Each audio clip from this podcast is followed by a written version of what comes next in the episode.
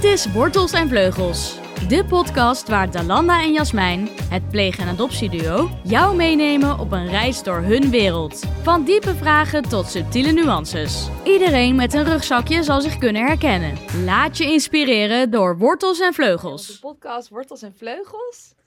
Ja, fijn dat jullie weer luisteren. Aflevering? Twee. Yes. Ja, aflevering 2. hey, en ik bedacht me, Jas, we hebben eigenlijk helemaal niet gezegd, vorige aflevering. Of nou ja, we hebben een beetje gezegd wat, onze, ja, wat ons doel eigenlijk is. Waarom we deze podcast maken. Onze missie, ja, precies. Ja. Maar ja, onze eerste aflevering was wel meer een soort van teaser. Dus het is, ja, Ja, het is goed. ja het is goed. Maar dan kunnen we dat nu wel goed vertellen. Goed, goed vertellen. Ja. Ja. Nou ja, ehm, ik ben dus een voormalig pleegkind. En eh, jij, eh, Adoptiekind, maar dan ben ik nog steeds toch dan? ja, dat ben je eigenlijk nog steeds inderdaad dan. Ja. ja. Of nou, jij bent nu volwassene. Ja, maar maar geadopteerd volwassen kind. Ja. je blijft altijd een kind. Ja. Ja.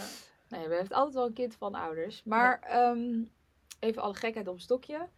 Eh, we hebben natuurlijk eh gedurende ons leven best wel wat meegemaakt. En eh, nou, het zogeheten rugzakje. En we hopen met deze podcast dat we eigenlijk onze ervaringen, onze levenservaringen eh, kunnen delen eh, met anderen. En met name dat ja, andere pleegkinderen en adoptiekinderen Ouders, informatief. Ja. Maar het is meer dat we... Wij zijn elkaar tegengekomen op een verjaardag van een gezamenlijke vriendin.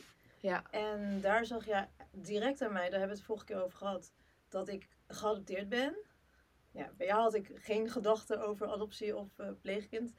En toen kwamen we weer later bij elkaar. En toen hadden we allemaal verhalen. En we waren al bezig. Nou, ik was toevallig ook al bezig. Ik zou best wel een post, pot, post, podcast willen maken. Eh, jij was er ook mee bezig. Toen kwamen we bij elkaar. En toen is dat gewoon samengevoegd. Toen dachten we, ja, we hebben zoveel verhalen, ehm, ervaringen om te delen. En het is een meerwaarde, denken wij, voor een ander die of adoptiekind is of pleegkind is. Ja, Informatieve ouders, maar ook mensen met een rugzak. rugzakje.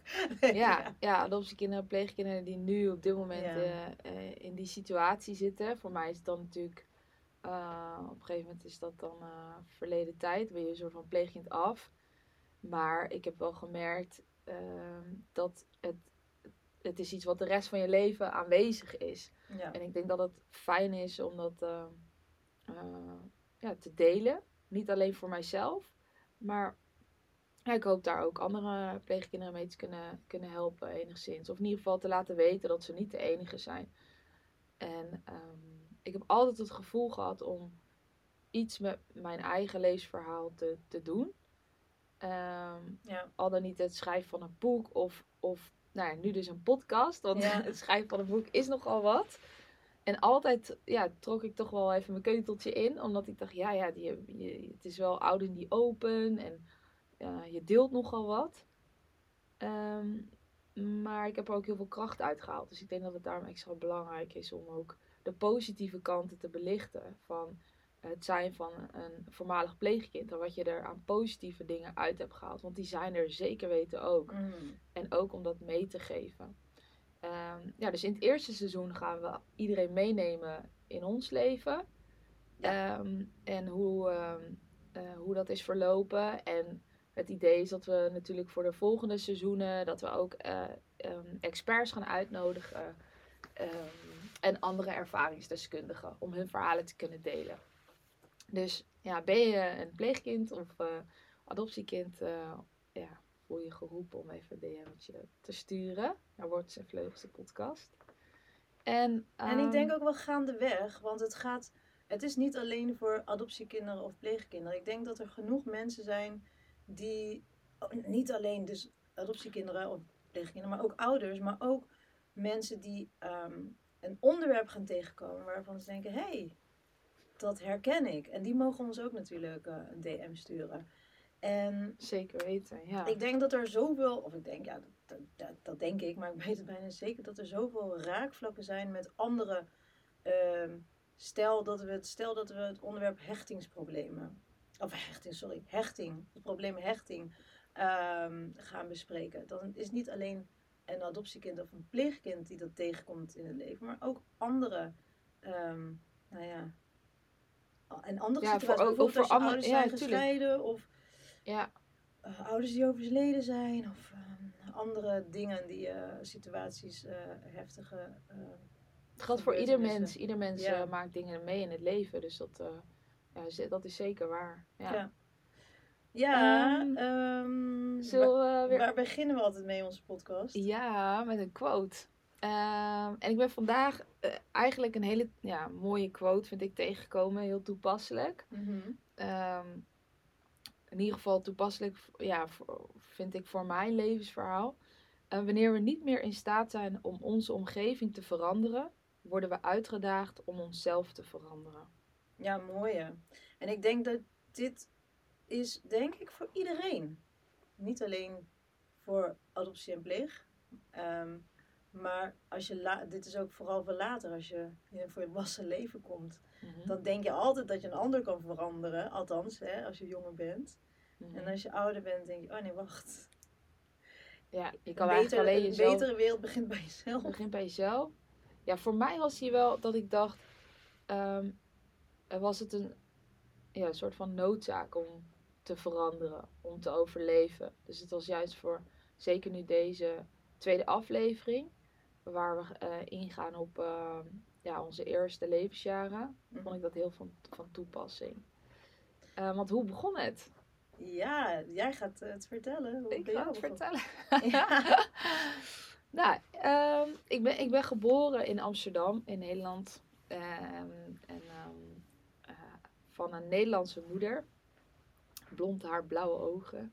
Het is iets wat ik vaak heb gezegd. En dat mensen dan dachten van, huh, hoe kan dat nou?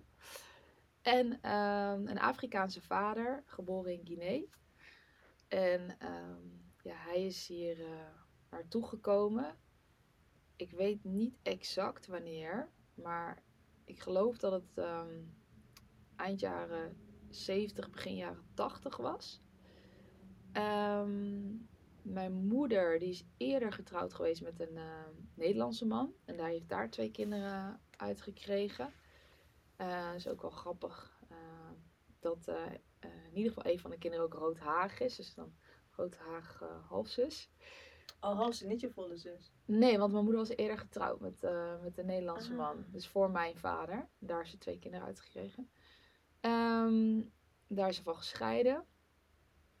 En, ehm, zij heeft verder ja, weinig, weinig contact gekregen, eh, kunnen, kunnen krijgen, onderhouden met, eh, met haar eerste twee kinderen. En ehm, uiteindelijk is ze getrouwd met mijn vader. Die kwam, die, het is wel een grappig verhaal. Die kwam ze tegen op Amsterdam Centraal. En hij, of mijn moeder, die ging haar, haar bril ophalen. En eh, hij liep daar en hij vroeg iets aan haar. En toen dacht mijn moeder van, nou, ik help hem wel even op weg. Dat vind ik ook zo typerend. Ik ben ook iemand die altijd iedereen wel even een handje wil helpen. En ehm, nou, ze raakte aan de praat. Is altijd heel gezellig. En toen hebben ze gewoon een paar uur met elkaar doorgebracht. En uiteindelijk is ehm, ja, mijn vader mee naar huis gegaan met mijn moeder. En eh, mijn moeder heeft hem onderdak geboden. Want hij woonde in, eh, in Duitsland. Samen met een vriend. En eh, nou, toen kreeg ze het uiteindelijk zo gezellig dat ze een relatie hebben gekregen. En toen had mijn vader ook, naar, zoals hij dat dan aan mij vertelde, had hij dan in Duitsland had hij gebeld naar die vriend van, nou, eh, hij had één koffer. Dus van, nou, stuur die koffer maar op. Ik zit nu hier in Nederland. en eh, ja, ja. En zodoende is eh, uiteindelijk in eh 85 is mijn broer eh, geboren. En eh, toen kwam ik in 88 en toen kwam eh, mijn zusje in eh, 92. En ehm, ja, we zijn allebei in een andere plaats, allemaal alle drie in een andere plaats geboren. Mijn ouders waren eerst in Hoorn. En daar is mijn broer geboren, ik in Amsterdam en mijn zusje in Utrecht. Eh, dus ik heb ook de meeste herinner- herinneringen van, van ons leven in, eh, in, eh, in Utrecht. In Amsterdam, maar eigenlijk vrijwel niet. En ehm, ja, eigenlijk hele positieve herinneringen. Voornamelijk, de, de, de liefde voelde, voerde echt de boventoon in ons gezin. En ik denk ook heel vaak dat dat hetgeen is waardoor ik het heb gered. En ik voel dat ook. Hè. Ze zeggen niet voor niets vaak van liefde overwint alles. En dat, ja, dat, dat heb ik echt sterk gevoeld. Ehm, want ja, uiteindelijk eh, ben ik dus een pleegkind geworden. Wat ook niet zomaar van op de een of andere dag gebeurt. Dus er is iets misgegaan. Ehm, maar dat lag niet aan de liefde. En ehm, ja, dus, dus ehm, ja, hoe ging dat? Mijn, eh, mijn eh, moeder die had niet een makkelijke jeugd. Mijn opa die zat in het, eh, die werkte bij de politie en die zat in het verzet. En ja, dat was natuurlijk geen makkelijke, makkelijke periode, de, de oorlog. En zeker niet ook als je in het verzet actief was mijn oma begreep ik dat zij ook wel een strenge, strenge vrouw was. En ja, verder ja, niet, niet heel uh, emotioneel uh, ja, betrokken. waar dat vandaan kwam, of ja, dat weet ik niet. Mijn moeder, mijn oma, die is overleden. Ik geloof dat ik een jaar drie was. dus ik heb niet heel veel van haar meegekregen. En hetgeen wat ik nu vertel, dat weet ik toevallig vanuit mijn dossier ook. Um, en dan heb ik het over dossier, want die klinkt natuurlijk wel zo gek. uh, op het moment dat je natuurlijk een uh, pleegkind wordt, dan dat gebeurt niet zomaar. Daar zijn dan instanties bij betrokken. In dit geval is het bureau jeugdzorg. En dan wordt er een dossier opgemaakt, natuurlijk om waarom dat zo is. De Raad voor de Kinderbescherming doet ook onderzoek. Um, en dan ja, besluit uiteindelijk een kinderrechter of er onder toezichtstelling wordt gedaan. Dus dan um, ja, kijkt er eigenlijk iemand mee bij het gezin. Maar hebben de ouders nog steeds de, de voogdij. Uh, en dat kan dan weer verlengd worden. En dan heb je volgens mij vrijwillig of gedwongen. Nou ja, bij ons is het dan wel gedwongen. Maar het was mijn moeder die, uh, ja, die vond het wel echt lastig. En het logischerwijs natuurlijk om iemand anders mee te laten kijken. Omdat ze wel heel graag ons wilde verzorgen. Maar het lukte niet. Um, dus mijn moeder had niet zo'n makkelijke jeugd om daarvoor op terug te pakken. En um, ja, ze heeft uiteindelijk is ze gaan studeren. Ze, heeft, uh, was verpleegkundige. En ze is um, een verpleegkundige diploma gehaald. En uh, ze werkte ook in uh, verzorgingstehuizen en oudertehuizen. Mijn vader vertelde dan dat, hij dat, wel, dat ze dat vaak lastig vond. Dat ze wel heel empathisch was naar die mensen. Dat ze het lastig vond als er iemand overleed. En ja, op een gegeven moment uh, was het werk eigenlijk best wel zwaar voor haar. Want ze draaiden heel veel nachtdiensten ook. Je een week nachtdiensten en dan weer een week, uh, week vrij of een week, of een week overdag werken. Dus gewoon hele onregelmatige tijden. Wat natuurlijk pittig is met een jong gezin. Want wij waren er toen natuurlijk ook. En um, ja, uiteindelijk raakte mijn moeder in een burn-out. En, Hoe oud was je moeder toen? Toen was mijn moeder, even kijken, mijn moeder heeft mijn zusje gekregen op haar uh, veertigste. Uh, even uit mijn hoofd. Ja. Iets ouder dan 40 dan. Ja, iets ouder dan 40. En, um, en ook altijd een harde werker. Hij was ook altijd geliefd. En ja, het was echt een... Uh, uh, ja, iemand die als ergens voor gaat, gaat er ook voor. Zelf, ja, herken ik mezelf eigenlijk ook al heel erg in. Um, leuke herinneringen aan mijn moeder. Van dat we gingen naar de. In Utrecht gingen we naar de, naar de kinderboerderij in Kanaleneiland. En alles deden we op de fiets, want we hadden geen auto. Natuurlijk helemaal geen geld voor. Volgens mij was het in die tijd ook nog niet eens zo heel normaal. Dus, en ze bracht ons dan ook. We woonden uh, in Utrecht in Hooggraven. En ze, daar zat een school gewoon in de straat. Maar mijn moeder bracht ons dan toch op de fiets naar een school in, in de Beeldstraat. De Regentessenschool was dat uit mijn hoofd. En ja, dat was zo heel typerend. Want mijn vader die zei ook van ja, ze wilde absoluut niet dat wij op een zwarte school zouden zitten. En ze vond het echt belangrijk dat we goed onderwijs zouden krijgen. Dus daar was ze gewoon bereid voor om dan extra ja, moeite voor te doen. En dat typeert haar ook wel. En um, ja, dus dat, daar had ik een fijne tijd. Ik had uh, leuke vriendinnetjes op de basisschool. Um, ja, als baby heb ik natuurlijk niet echt herinneringen. Mijn zusje was natuurlijk vier jaar jonger. Ik weet wel dat ik veel voor haar zorgde. En eigenlijk te veel. Dat, ja, dat hoor je niet, uh, niet te moeten doen als kind. Dus dat was vaak met haar alleen. En, en dan leiders verzorgen, uh, verschonen. En was ik niet, niet zozeer alleen, alleen dat mijn vader of moeder er niet was. Maar wel dat zij niet aanwezig waren. Zeg maar aan, aandacht hadden voor ons bijvoorbeeld op dat moment. Mijn vader die werkte niet. Die was gevlucht uit zijn ja, land en uh, uh, was verder ook uh, ja, hoog opgeleid. En hij hier uh, studeerde hij aan de universiteit. Hij wilde graag rechten studeren. Maar ja, het is natuurlijk ja, moeilijk, uh, knap moeilijk op het moment dat je Nederlandse taal natuurlijk niet beheerst. En hij heeft wel de Nederlandse taal geleerd, maar niet in zijn volledigheid, zeg maar. En om dan een rechtenstudie te doen, waar je eigenlijk gewoon de, taal volledig moet beheersen. Dus dat ging niet, dat ging niet heel makkelijk. Um, en dat is uiteindelijk ook dan niet gelukt om dat af te maken. Ik weet wel dat we worstelden in ons gezin qua met schulden. Dus waren, omdat er was één inkomen van mijn moeder. En mijn vader die kreeg moeilijk een baan. Uh, ja, doordat hij natuurlijk een migrant was. En de taal nog niet goed beheerste. En ja, dat is niet makkelijk. En um, ja, dus dat, dat merkte ik. Ja, hoe merkte ik dat?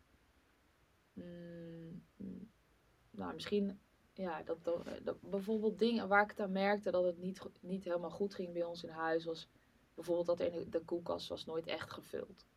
En ik was gek op mandarijnen en ik had de mogelijkheid om gewoon heel netje mandarijnen leeg te eten. En dan vervolgens een dik aan de diarree te zijn. dat, dat is niet echt helemaal de bedoeling.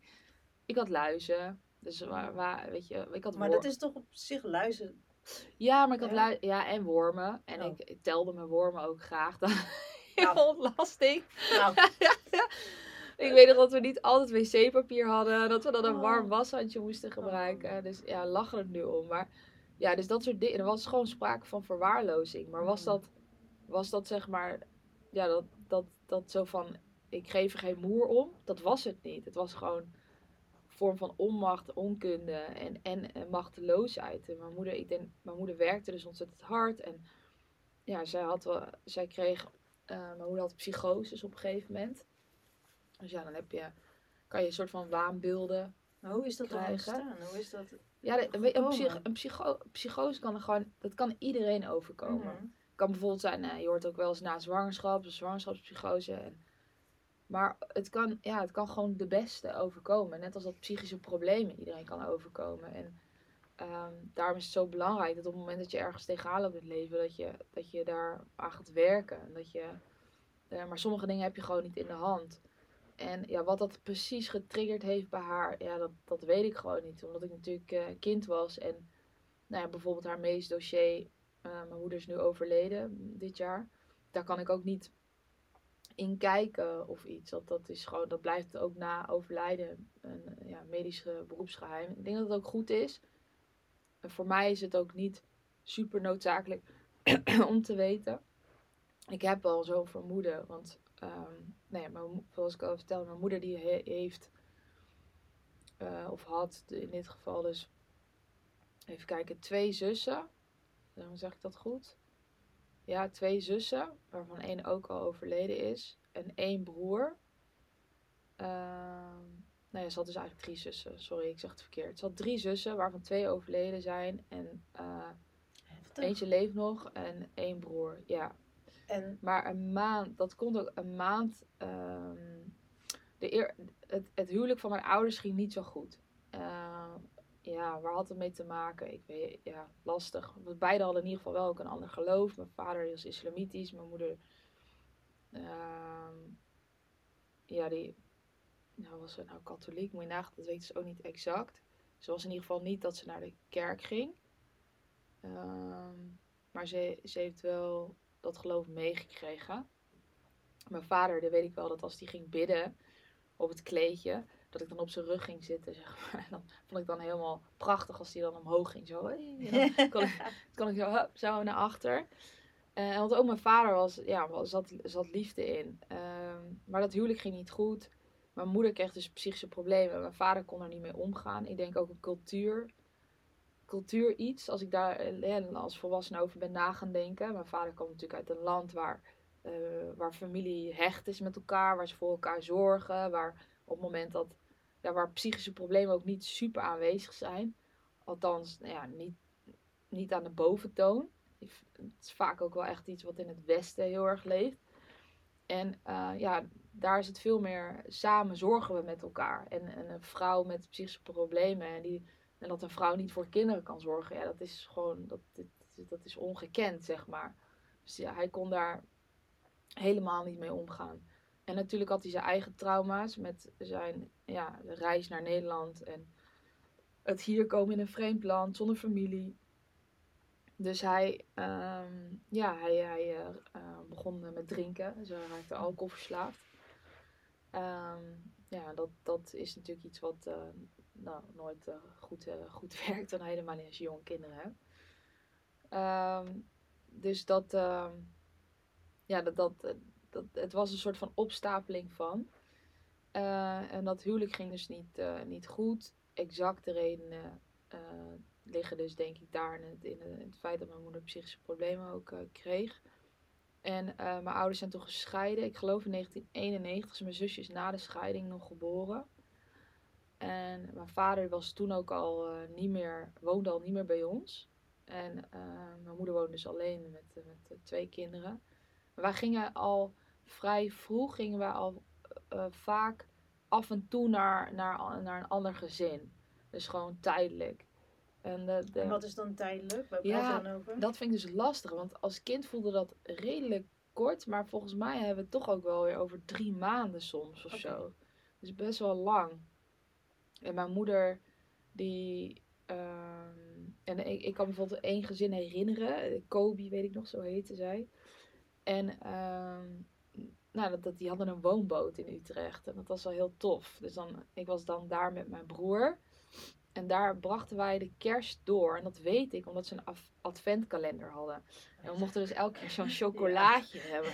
Daarom weet ik dat het de kerstperiode moet zijn geweest. En je zusje was bij je moeder dan? nee, mijn zusje die oh. eh, was toen uh, net geboren. In ieder geval, die was, of net geboren, die was jong. Ja, dus als we het hebben over kerst en zij was nog jong. Ik denk dat ze dus nog niet eens... Zij is in januari geboren, 92. Dus ik denk dat zij... Nog geen jaar. Nog geen jaar was. Maar zij zat in een ander gezin. Oh, oké. Ja, ook in Utrecht, maar apart.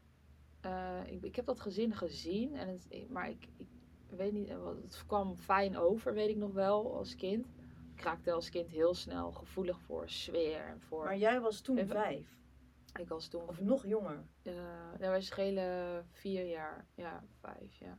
Ik. Denk vijf, ja. Vier, vijf. En, um, ja, vijf. Ja. En, um, ze hadden ook een gokkast, weet ik nog. Ja, op die woonboot. Daar gingen wij niet op hoor. Maar gewoon, het vond ik al magisch interessant. Al die lichtjes en dingetjes. En ze hadden een waterbed. Daar mochten wij dan slapen. En ik weet wel dat heel goed dat mijn broer in zijn broek plaste. Toen. En uh, ja, dat is me altijd wel bijgebleven. Ik denk dat hij veel last had van de spanningen bij ons thuis. En, uh, want ik denk dat die er waren. Ik, ik heb dat dus niet zo gevoeld. Niet bewust. Niet bewust.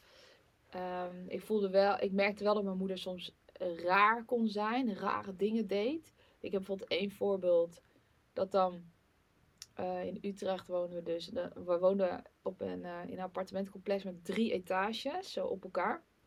En de eerste etage, daar, kon, daar, uh, daar woonden wij. En ik weet nog dat mijn moeder een keer zo het raam open deed. En dat ze zo'n, uh, weet je wel, zo'n, zo'n houten fietspomp, zo, weet je, waar je zo je banden mee kan pompen. Had ze bedacht dat het wel leuk zou zijn als we dan via die fietspomp, zeg maar zo, uh, dan via het raam zo omhoog konden klimmen. Weet je wel? Zo via, dus met je voet op de fietspomp en dan zo trok zij zo omhoog. En dat was dan leuk. En ja, die kinderen vonden het dan helemaal tof in de buurt en zo. Maar ja, het gaat helemaal nergens over. En het is ook nog best gevaarlijk en zo. Maar ja, dat je denkt, hè? Dus wel, het was ja, van die ja, rare dingen dan eigenlijk. En um, ja, je merkte het gewoon dat er weinig, weinig controle op ons was. Dat. Weet je, ik kon in principe alleen naar buiten lopen als ik dat wilde. Ik was echt een buitenkind. Ik speelde heel veel buiten. En ik was altijd met, met mijn zusje en met, uh, met mijn broer. En uh, ja, echt een beetje kinderen van de straat, zeg maar. En, um, maar wel, ja, toch een, beetje, een beetje zo van het huishouden van Jan Steen. Maar dan het echte huishouden van Jan Steen. Met wormen en luizen. Met wormen en luizen. En dan niet dat er dan actief iets aan werd gedaan of zo, denk ik. Hoe reageerde dan school daarop? Uh, ja, er was wel, lag wel een melding. Um, want ik weet dat mijn beste vriendinnetje, haar moeder was een soort van maatschappelijk werker op die school. Er lag wel een melding. En, maar zij mocht wel bij mij spelen en zo. En dat, dat gebeurde dan ook wel gewoon. Dus ehm, ja, zo ernstig was het toen nog niet. Maar ja, het werd- ik denk eerder dat stel hè, dat een vader of een moeder ehm, overmatig drankgebruik heeft, maar dan ook nog eens dat er agressie is. Ik denk Ja. dat het dan een heel ander verhaal is. Denk Ja, er was niet? wel agressie, maar niet, niet, eh, niet naar ons toe. Niet naar onze kinderen. Ik kan me bijvoorbeeld niet echt niet herinneren. En ik kan het, ja, je kan zeggen, misschien heb je dat geblokt, maar dat heb ik ook echt niet. En ik lees dat ook niet in mijn dossiers. Mijn vader heeft ons nooit aangeraakt. Mijn moeder zeker wel, ja. ja. Oké, oké, oké. Zeker wel, ja. En, eh, maar ook daar heb ik niet... Ja, daar heb, ik- ja, daar heb ik misschien één herinnering aan. Dat mijn, dat mijn vader mijn moeder sloeg. Ja. Ehm, maar helemaal in detail weet ik dat niet meer precies. Ja, dus kinderen mochten wel bij ons spelen. Ehm, ja, tot, totdat het natuurlijk eigenlijk echt goed misging. En toen was ik een jaar of... ehm, dus we waren al gewend om af en toe naar andere gezinnen te gaan. En dat, ja, hoe, hoe, hoe, dat, hoe ik dat ervaar als kind, ja, dat, ja, dat was gewoon een gegeven of zo. Het was niet voor mij... De, ik, kan- ik kan me daar niet heel veel Dat van het bijna herinneren. normaal is. Of normaal, Nou, niet. Nou, gewoon. ik weet het gewoon oprecht niet. Ik denk dat ik gewoon net nog eh, niet. Dat, dat ik nog niet gewoon dat, dat eh, gevoel kon ervaren, zeg maar. Dat begon toen ik. Ja, ik was eh, vijf. Toen werd mijn moeder op een gegeven moment, op een dag, werd zij eh, door een ambulance opgehaald. eh, op een brancard, weet ik nog. En ik stond in de gang met mijn zusje. En dat beeld, dat heb ik zo helder voor me. En ehm, ik kan ook het hele appartement nog uittekenen waar we woonden, weet je wel. En, maar het leek ook wel alsof ik dat heel graag wilde onthouden. Ik wil dat ook onthouden, want dat is natuurlijk een van de weinige herinneringen die ik heb. De Dus laatste het- herinnering eh, ook. ja, van mijn eigen biologische gezin. En alleen dat in die gang staan, dat was wel echt. Ik had mijn zusje zo naast me. En mijn broer, die. ehm, ja, weet ik niet. Ik weet niet waar die was.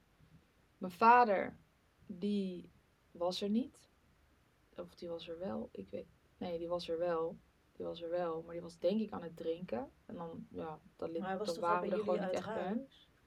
Ja, maar ik denk dat die op dat moment er toen wel was. Want ze namen mijn moeder mee. En ja, om ons dan achter te laten. Althans, nee, nee, ja, dus de, ik- hij was er. Hij kwam ook wel langs of zo. Het was niet dat ze, dat, dat ze ehm, geen contact meer hadden. Hij woonde alleen niet meer bij ons thuis.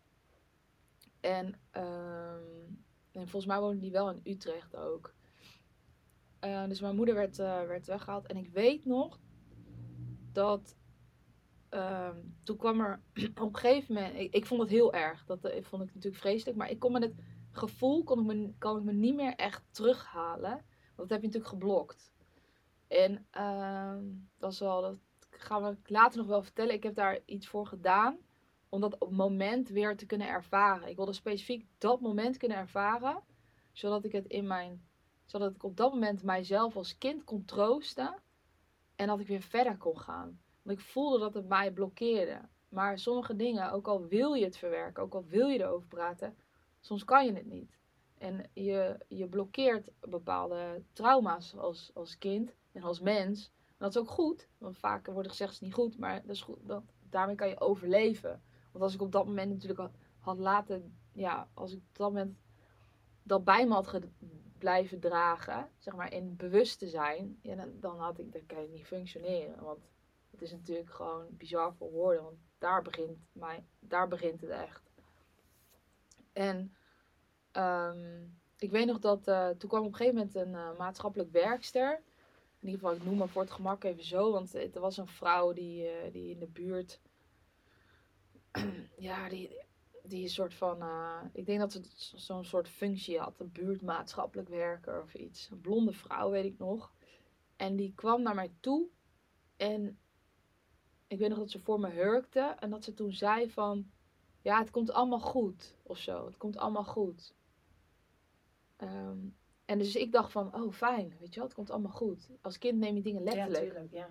Dus ik dacht, en uiteindelijk kwam helemaal niks goed. En toen dacht ik, ook, daar heb ik echt in die gang, op dat moment, heb ik dat die vrouw dat tegen mij zei. En, en, het kwam niet goed. Ik heb daar het vertrouwen verloren in mensen. Daar het vertrouwen verloren in, in hulpverleners. Ik heb daar het vertrouwen verloren in volwassen mensen als kind. Toen wist ik, nadat het niet goed kwam, wist ik, oké, je bent hier, je bent hier gewoon alleen. Je moet het zelf doen. Je moet het zelf rooien. Ehm, je kan op niemand bouwen. En, en enerzijds heel triest. Anderzijds eh, heeft het me heel veel gebracht. Die mindset daardoor. Door zelf altijd alles te doen. En, hoe, en het is ook een stukje realiteit eigenlijk ook wel. Want ja, vaak, weet je, hoe vaak maak je afspraken met jezelf als persoon? Weet je, ik noem maar even, als je gewoon wil. Ik ga drie keer in de week trainen. Het is nieuwjaar. Ja, nieuwjaar, ik ga drie keer in de week trainen. En dan weet je, die, iedereen sluit een sportabonnement af. En dan weet je, en dan, ja, we gaan voor januari. En dan misschien nog februari. En in maart ben je sponsor. Weet je? Ja, zo van, we, we, houden, weet je, we komen niet eens de afspraken na met onszelf. Dus laat staan met anderen. Dus, dus, ja, dus mensen zijn in een bepaalde zin ook niet te vertrouwen. En dat is niet hoe je er vanuit van, van ja, je moet er niet initieel van uitgaan, maar ja, ik werd daar heel, als kind al heel realistisch. Terwijl, ik heb een vriendin die zei ook altijd, het komt wel goed. En dat was voor mij altijd een dooddoener. Het is super lief bedoeld. Het is, het is alleen zo, zo'n makkelijke zin om uit te spreken, het komt wel goed. En dan alles daartussen, dat is er dan niet of zo. Weet je wel? Dus ja ik, ja, ik kan me voorstellen als kind, net zoals je een kind iets belooft. En als dan het niet lukt omdat er iets tussen is gekomen. En een kind houdt dat vast. Ja, maar jij belooft dat we vanmiddag naar de speeltuin zouden gaan bijvoorbeeld. Ja, en dan is er iets tussen gekomen. Dus dat is voor hun heel heftig. Dus die, daar, wat jij daar hoorde en het komt er niet goed, komt, dat, dat komt mega binnen bij je, denk ik. Ja, dat komt mega binnen, ja. En ook, ik ben met je eens. En ook, ik zeg ook vaak, ook als het niet, als het niet goed komt, uh, komt het ook goed. ja, maar nu je volwassen bent, zie je dat dan nu anders? Als in, tuurlijk, ik, ehm, ehm, nu weet je, nu, nu hoor je als volwassen vrouw, hoor je ook wel eens mensen zeggen, het komt wel goed. Krijg je dan weer die trigger van toen? Of weet jij nu van, oh ja, die vrouw heeft dat toen goed bedoeld? Oh ja, ja zeker. Um... Ja, ja, zeker. Als ik het ook heb over dat stuk van daar ben ik mijn uh, vertrouwen verloren. En, en uh, dat, dan, dan spreek ik eigenlijk ook over dat ik dat, dat gevoel, nou, misschien tot aan mijn eind twintig jaren wel heb gehad. Dus begin 30. Nou, 30. Eh, toen ik. Um, tot een paar jaar geleden. Um, was dat misschien nog iets. Ik heb op een gegeven moment heb ik echt die. Heel bewust die overlevingsjas die je draagt, die heb ik echt letterlijk uitgedaan. Maar ik ben vanaf dat moment ben ik gaan overleven. En dat, uh, ja, op dat moment. Uh, ik vond het ook heel. Uh, ik kon er geen woorden aan geven hoe ik me op dat moment dus voelde. En toen las ik in het dossier van, van mijn broer. Las ik dus dat. Ehm, dat, dat die vrouw ons had aangetroffen. Dus las ik over deze vrouw. Mm -hmm. Uh, en die zei van ja, ik trof, die gaf haar verslag. En die zei, ik trof een ontredderd gezin aan. En toen dacht ik, ja, dat was het. Ook als ik mezelf zo terugzie, hoe ik daar stond in die gang, gewoon compleet verloren. En je moeder wordt op een brancard weggedragen en je staat daar. Weet je, als kind van vijf. Met je, met Wat je, was er met je moeder? Wat is wegwedstrijd? Kan je dat nog herinneren? Ik weet het niet. Het was zo dat de, we hadden af en toe last van muizen. En dan in de gang. en wat ik zei, huishouden van Jan Steen. En ik was op die muis aan het jagen met een bezem zo door die gang heen. En en, en ik, ik, ik weet het niet. Mijn moeder, ik weet niet waar mijn moeder was. Ze was in huis, maar ik weet niet wat, wat er... Ik, dat, dat stuk ervoor, dat ben ik kwijt. Dat weet ik niet. Ik weet alleen het moment dat ze dus uit huis werd uh, gehaald met die brancard. Toen op een gegeven moment, toen, uh, ja, ik, wij, ik was daar dus nog over met mijn zusje, mijn broer en mijn vader. Mijn vader ging flink drinken, dus die stond dan uh, ja, rustig met een fles aan zijn mond, zeg maar, uh, in de deuropening of zo, weet je wel. Die was, was goed aan het drinken. ik kan me verder niet herinneren dat hij ik weet nog wel dat hij, dat hij goed spaghetti kon koken. En dat vond ik dan altijd lekker als kind. En ja, dat we ochtends altijd voor de tv kropen om tv te kijken. Mijn broer en ik dan. En eh, we hadden een stapelbed, dus wij sliepen op één kamer. En ja, mijn zusje weet ik dan niet precies. Ik denk bij mijn ouders of bij mijn moeder toen natuurlijk, dan in dat geval. En, eh, maar die was er niet, dus ik hoop bij mijn vader, dat weet ik dus niet. En ehm, eh, op een gegeven moment toen was mijn broer, die was alles naar buiten aan het gooien van mij.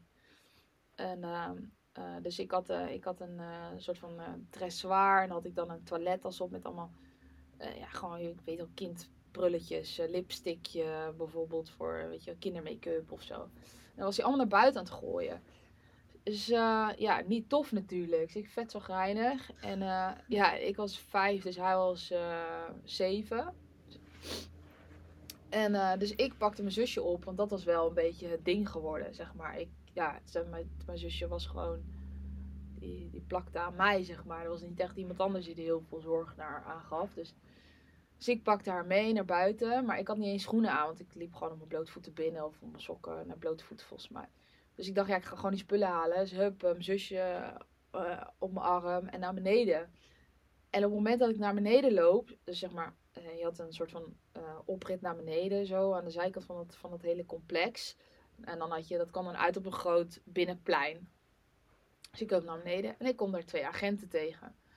Die agenten die zegt van, zeiden van, eh, ja, eh, zijn jullie van de familie Diallo? Zo, eh, ja. Ja, kom maar mee. Jullie, jullie mogen met, met ons mee. En het En het Het was diezelfde idiote- dag toen je moeder... Nee, nee, nee, nee, Oh, dat was oké. niet diezelfde dag. Nee, dat was, dat niet nog. diezelfde dag. Ja, Ik weet niet wel, hoe, welk, hoeveel dagen daarna het was, maar vrij Kort daarna. kort daarna. Natuurlijk nadat die vrouw melding had gemaakt van Ja. dat ze een ontredderd gezin had Ja, aangetroffen. ja. En, ehm, maar ik ben gewoon meegegaan. Ik was vijf. En mijn zusje dus dan één. Maar ja, ik kan, ja, ik ben vijf. Ja, ik kan ook niet, ja, ik ben politie of zo. Maar ik dacht, ik dacht helemaal niet over na van, oh, is het te vertrouwen of iets. Je bent natuurlijk ook vijf en zo. Maar ja, ik ben dus meegegaan. Eh, gelukkig waren het agenten. en ehm, eh, ik had geen schoenen aan. Dus ik weet nog dat ik op de nek mocht zitten van die politieagent. En ehm, ja, samen met mijn zusje. En eh, oh ja, en ik zei nog wel van ja, maar mijn vader is binnen en eh, mijn broer. En ja, maar dat, ja, ik weet niet, dat komt later of zo. Dat komt wel goed. Ja, dat, ja een beetje ja, dat van, van later of zo, weet ik veel. Maar mijn broer was natuurlijk nog steeds binnen. Die was eh, dingen naar buiten aan het gooien toen op dat moment. Dus ik meegegaan en ehm, nou, toen kwam ik bij het politiebureau. Daar verder niet echt herinneringen aan. Eh, maar als ik dan eh, in mijn dossier dan ehm, lees, of heb gelezen, dat, dat ehm, onze, de, de, de nanny van mijn moeder, van mijn biologische moeder, die zat daar. Dus zij was al nu een oudere vrouw. Ze was toen al ergens in begin 60. Ehm zij had altijd voor mijn moeder gezorgd en had kinderen. Eh oh, was zeg maar eh, de zussen. En ehm, ja, zij zat daar en ja, wij gingen, wij gingen bij haar naar haar toe. En ehm, mijn zusje en ik hebben daar uiteindelijk een, jaar gewoond. We konden daar niet langdurig blijven, omdat ze al op leeftijd was. Dus ja, wij zouden natuurlijk ook ouder worden en daar komt natuurlijk ook weer zorg bij kijken. en zo. Dus dat was niet iets wat langdurig houdbaar was. En ehm ehm, ja, en, en- en mijn broer, die is dus eh, vrij snel daarna ook eh, uit huis gehaald. Wat misschien ook al trouwens dat wel gek was, want wij, wij werden dus naar, want die nanny die had eh, geen, eh, geen rijbewijs, die mevrouw. Dus de politie bracht ons naar haar toe, naar haar huis toe uiteindelijk. We zaten in de auto, ik denk met z'n drieën. En ik weet nog dat, dat, ik, dat, ik, dat we langs ons huis reden. En mijn vader, die was ons aan het zoeken natuurlijk. Die stond in de deuropening met een fles Bizar. wijn. Ja, die wist natuurlijk niet wat hem overkwam. Zo een beetje kinderen pleiten. En maar was, je broer was... Je- was, was nog wel binnen. Oh, die was ja, er wel. was oh, ja, wel je binnen. zei met z'n drieën. Maar je Oh ja, bedoelt jij, je ja, drieën bedoelde ik met die nanny en, die, Ah, en, zo, en, wij, en ja, wij twee. Ja. Eh, dus ehm, ehm, ik en mijn zusje. Ja. En, eh, en dat was, ik weet nog dat we achterin zaten en dat ik dacht van, hè, we, we rijden langs mijn mijn huis en oh, ik zie mijn vader. En het was allemaal heel verwarrend voor me. En dat die agenten ook wel, die hadden ook zoiets van... Want ik zag mijn vader echt kijken zo, weet je wel, van eh, waar zijn ze? Dus dat vond ik heel naar, Ja. heel raar. En, en, en ja, de heel, ja. Ik, eh, maar ze, ze zijn ook dus...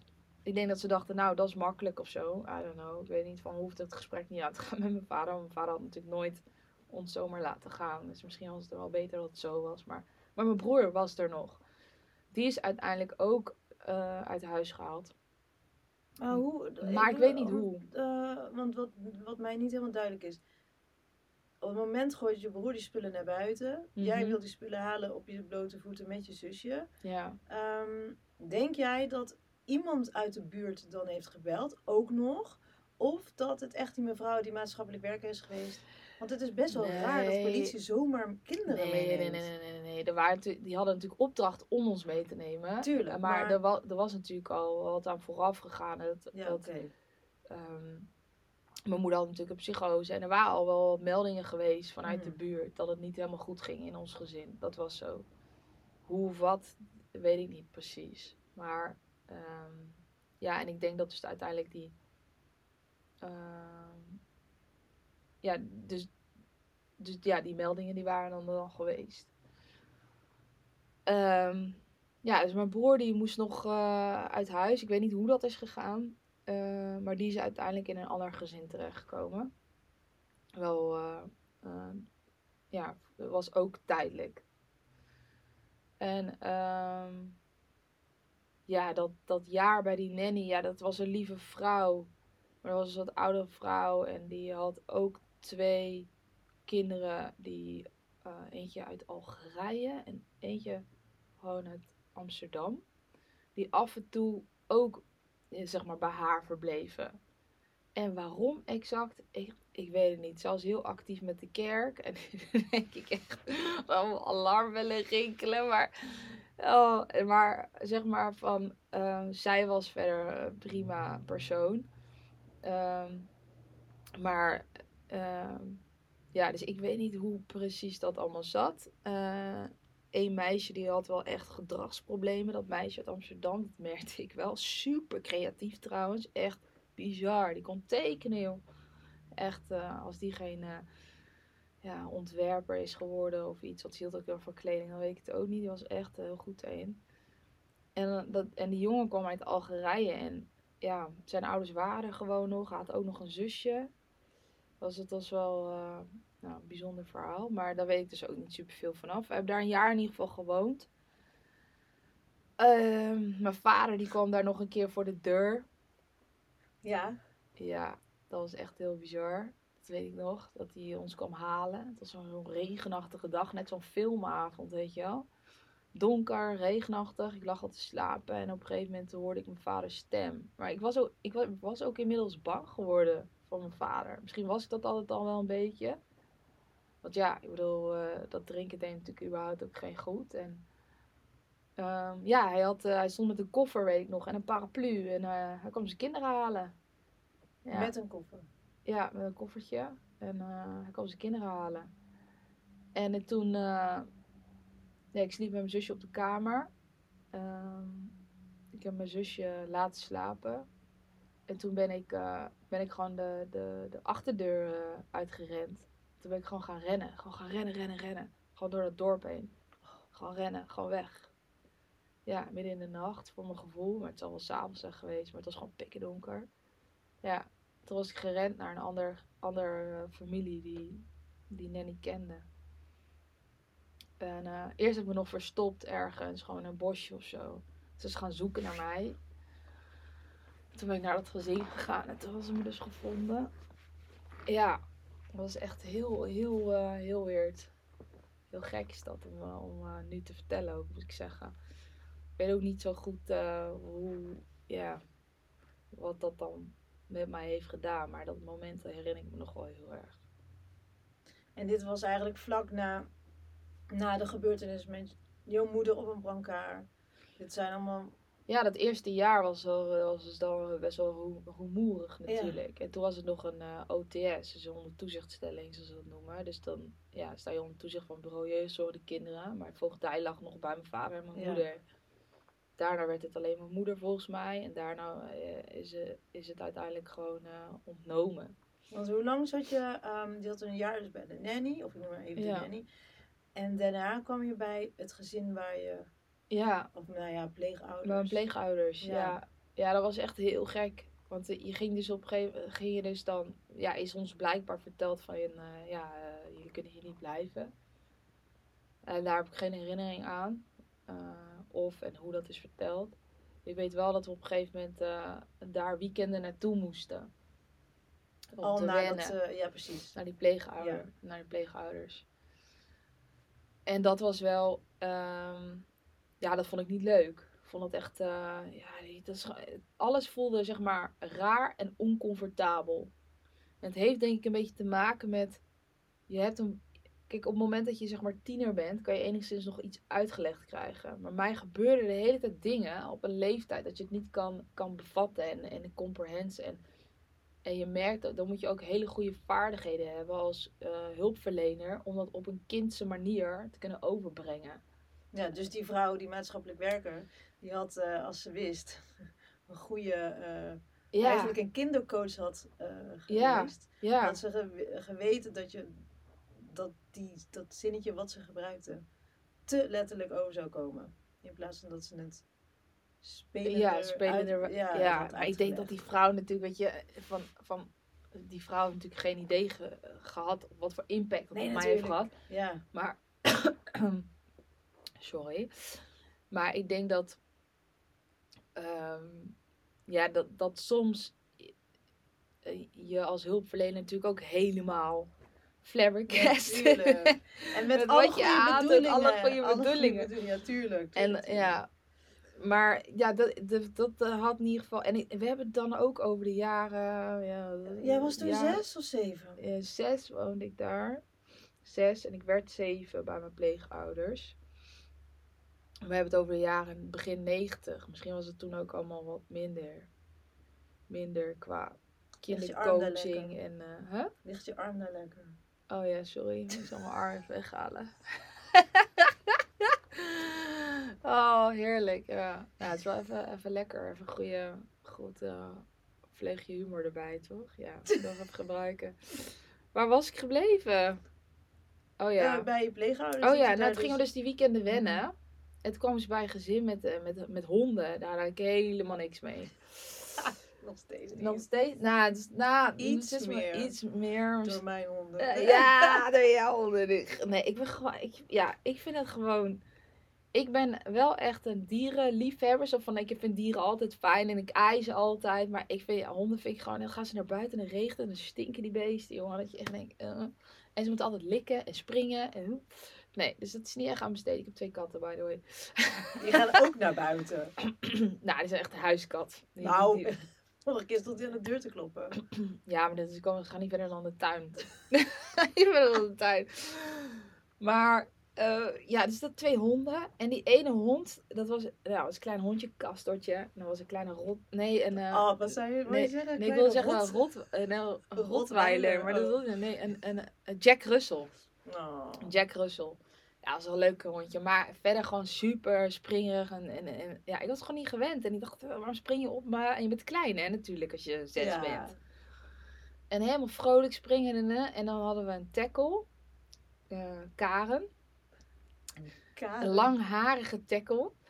En ehm, nou, tijdens een van die weekenden dat we daar sliepen, ik had een aapje, een knuffel. Die had ik gekregen van, eh, want die nanny die, die, die was getrouwd ooit met, volgens mij was hij burgemeester of zo, weet je dat? Die, die haar man of zo. Die had in ieder geval een van haar hoge functie. Nou, ze woonde in ieder geval in een kast van haar huis.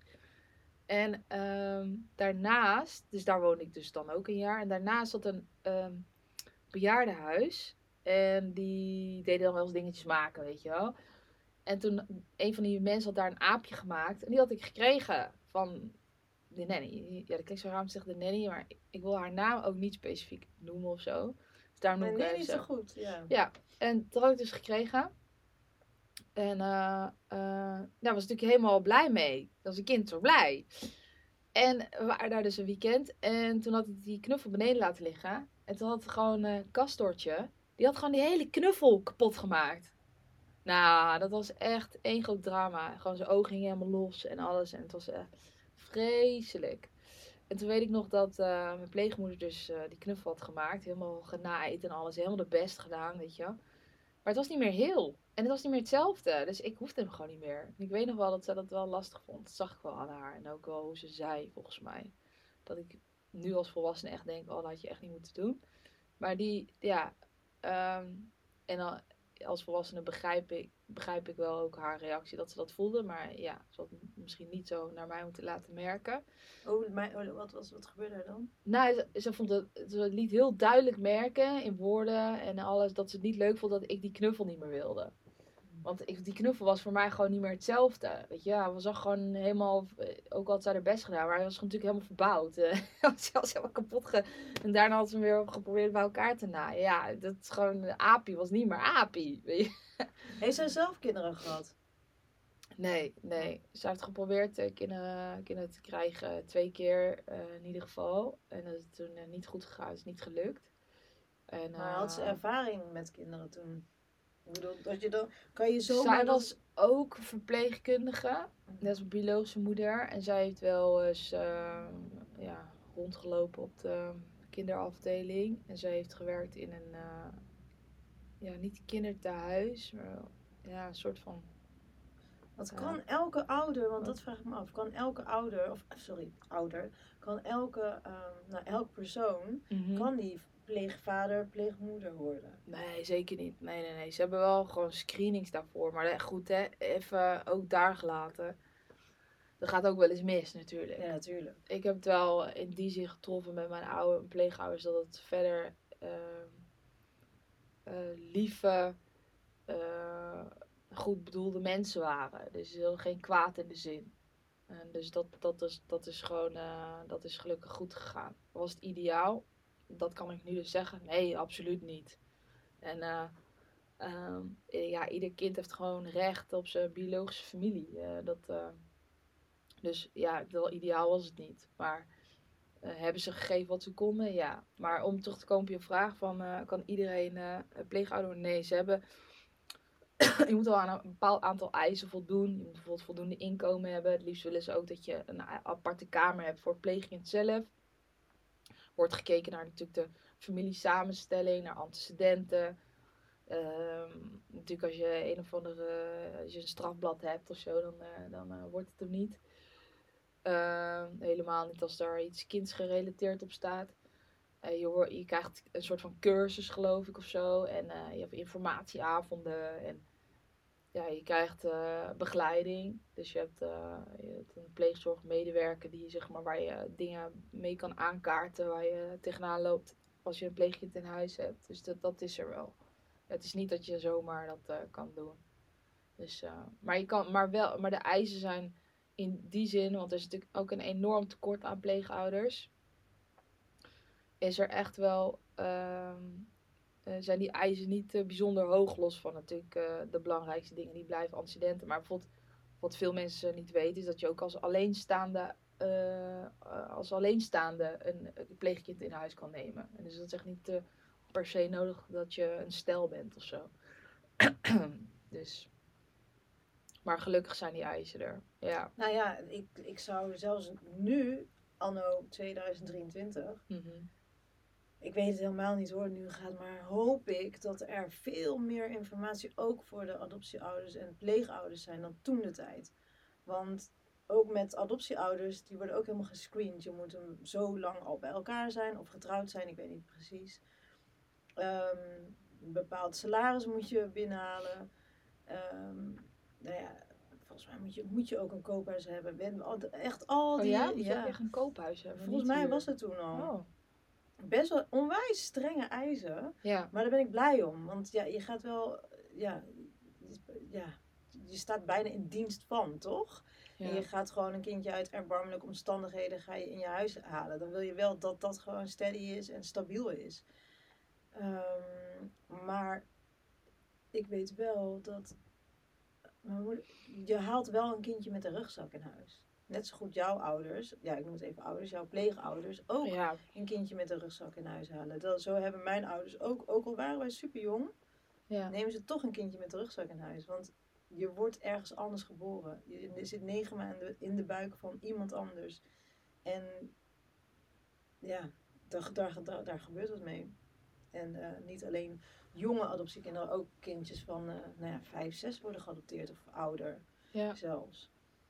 Ja, en dat er dan we- eigenlijk de, die ouders, ook denk ik pleegouders toen, in die tijd, wisten weinig. Ook weinig van opvoeding. Of opvoeding, ja, gewoon speciale opvoeding. Maar we zeggen dat dat je. Ja, ik hoorde net dat een cursus, dat ze een cursus hadden gekregen. Ja, maar, ik, maar ja. wat voor cursus is dat? Want ja, dat weet ik ook niet exact. Ja, geen boekhouden. Cursus boekhouden. Nee, ik neem aan dat al pedagogische, pedagogische dingen aan, aan bod komen. Nee, maar je Nou ja, nee, maar je hebt al helemaal... sumier, denk ik Sumier, dan, toch? Ja, nou kijk, weet je wat, het, wat, wat echt belangrijk is? Er zijn heel veel mensen, en ik, heb daar, ik, oh, ik, vind, het- ik vind het echt heel lastig. Ik heb daar eigenlijk een beetje een hekel aan. Eh, op het moment dat, eh, dat het gaat over pleegkinderen, dan vind ik dat het wel eens wordt gezegd van, ah, dat is zo zielig. Oh ja, ik zou ook wel zo'n kindje willen helpen, weet je wel. En dan, maar die doen dat dan voor hun, voor hun eigen gevoel, voor hun ego. Weet je wel, Mhm. van oh ja, ik kan zo'n kindje helpen, ik ga zo'n kindje helpen. En dan verwachten ze er heel veel van. Ja. ja. Maar je, je moet het niet doen voor jezelf als je een pleegkind neemt. Of, of dat is echt voor het kind moet je het doen. ja, Maar echt in de letterlijk en figuurlijk voor het kind. Ja. Dus je mag niks verwachten van het kind. klopt. En daar gaat het heel vaak mis. Omdat ze denken van, ja maar ik geef dat kind toch een huis. En ik geef dat kind een, een gezin en spullen en, en, en liefde en, en, en, eh, en eten. En, eh, en, en, en, en het is niet dankbaar. ja, oh, Of het, of het, of het, eh, het eh, ja, het trapt alleen maar rotzooi. En, en, en, dan, en dan gaat het vaak mis. En dan zie je dus ook vaak dat plaatsingen niet goed gaan. Dus dat dan die ouders zeggen van, ja, sorry, maar het, eh, eh, het gaat niet goed. Ja, ga maar weer weg. En dat is dan weer een extra kras op je ziel als pleegkind. En dat heeft mijn broer helaas moeten meemaken. Want je haalt inderdaad wel een kind in huis met hechtingsproblematiek. En dat, weet je, dat begint al bij het uit huis halen. Want dat is natuurlijk al, een ja, ik noem dat dus een vorm van afwijzing. Is het ook? En ook al wordt er gezegd tegen het kind van het ligt niet aan jou en hè, dit, ehm, het, komt, eh, het komt goed. Of, of de ouder van, hè, van papa en mama hebben wat problemen, en, maar het ligt niet aan jou. En ook al blijf je dat benadrukken, het feit blijft dat je als kind niet meer bij je ouders woont. En dat is gewoon afwijzing. En dat voel je en dat blijf je voelen. En dat is iets wat je heel je leven, heel je leven bij je draagt. En waar je eigenlijk, waar ik tot de dag op van vandaag bewust van moet zijn. Omdat Ja. in heel veel situaties dat ik dan dat direct denk van, oh, ik word afgewezen. Of, oh, oh, en dat, dat het persoonlijk kan aantrekken. En dan denk ik, oh ja, nee, nee, dat is, dat is het in dit geval niet. Dus ja, dat, wat, dat is, ja, ik denk dat dat echt het allerbelangrijkste is. Ik had, ja, ik had ook een vriendin, echt een beste vriendin die ook zei van, eh, ja, die was dan naar de speeltuin gegaan en die zag daar eh, een eh, pleeggezin. Dus met allemaal, die vrouw had allemaal pleegkinderen. En zei ze, ja, dat zou ik dan ook echt zo, ja, ik vind dat zo sneu, die kinderen. En ik wil dan zo graag dit, dit, dit geven. En dan denk ik, ja, maar die kinderen, je wil, het laatste wat je wil als pleegkind is, is zielig gevonden worden. En eh, in ieder geval, dat ervaarde ik als ik het mijn eigen ervaring over heb. En anders gezien worden. En oh, je, je zo betuttelend. En, en het is niet, ja, en het is wat anders dan het zielig vinden en denken heel erg van ja, ik wil echt er iets voor, voor, voor, voor doen eh, en niks verwachten. En dat, ja, je kan gewoon, je moet gewoon niks verwachten. En alles wat je wel krijgt qua liefde, en dat is mooi meegenomen. Maar ja, daar gaat het toch vaak, eh, vaak mis. En ook wat je, ja, wat je intentie natuurlijk ook, ja. Ja, mijn pleegouders wilden, vooral mijn pleegmoeder, die wilde echt moeder zijn. Die wilde echt kinderen. En ik heb heel lang zoiets gehad van, oh, ja, dankbaar vind ik zo raar. Want ja, ik vind dat ik net goed recht heb op eh, gewoon ouders, eh, ja, als ieder ander kind. Maar ik ben wel dankbaar voor dan wat zij hebben. ge- ik ben blij voor hetgeen wat zij hebben kunnen geven. Ehm, ja, maar ehm, nu weet ik even niet meer wat ik wilde zeggen. Geef niet, geef niet. Ik ben het gewoon even Ehm, kwijt. Nou, je hebt eh, een mooi levensverhaal, eh, een gedeelte van je leven verteld. Ja, nog maar gedeeld inderdaad. Ja, nog en we maar zijn al aan het einde eigenlijk van aflevering 2, als ik zo naar de tijd ook kijk. Ja, Ja. en ehm, gaan we hem dan afsluiten met eh, een intentiekaart? ja, ik heb, ik heb een intentie. En wat was het ook alweer? Moet ik heel even nadenken. Ehm, ja, ik weet hem weer. De intentie voor deze week is ehm, sta stil bij drie dingen waar je dankbaar voor bent in het leven. Mooi, daar sluiten we mee af. Ja, Bedankt voor het luisteren. ja, ja. En eh, als je vragen, opmerkingen of dergelijke hebt, ja, gooi het in onze DM ja. Van eh, Wortels en Vleugelen podcast. podcast. In onze volgende aflevering eh, gaan we verder op mijn leesverhaal en natuurlijk ook op die van Jasmijn. Want daar eh, willen we natuurlijk ook alles over weten. Yes. Oké, dank jullie wel voor het luisteren. Dankjewel voor het luisteren.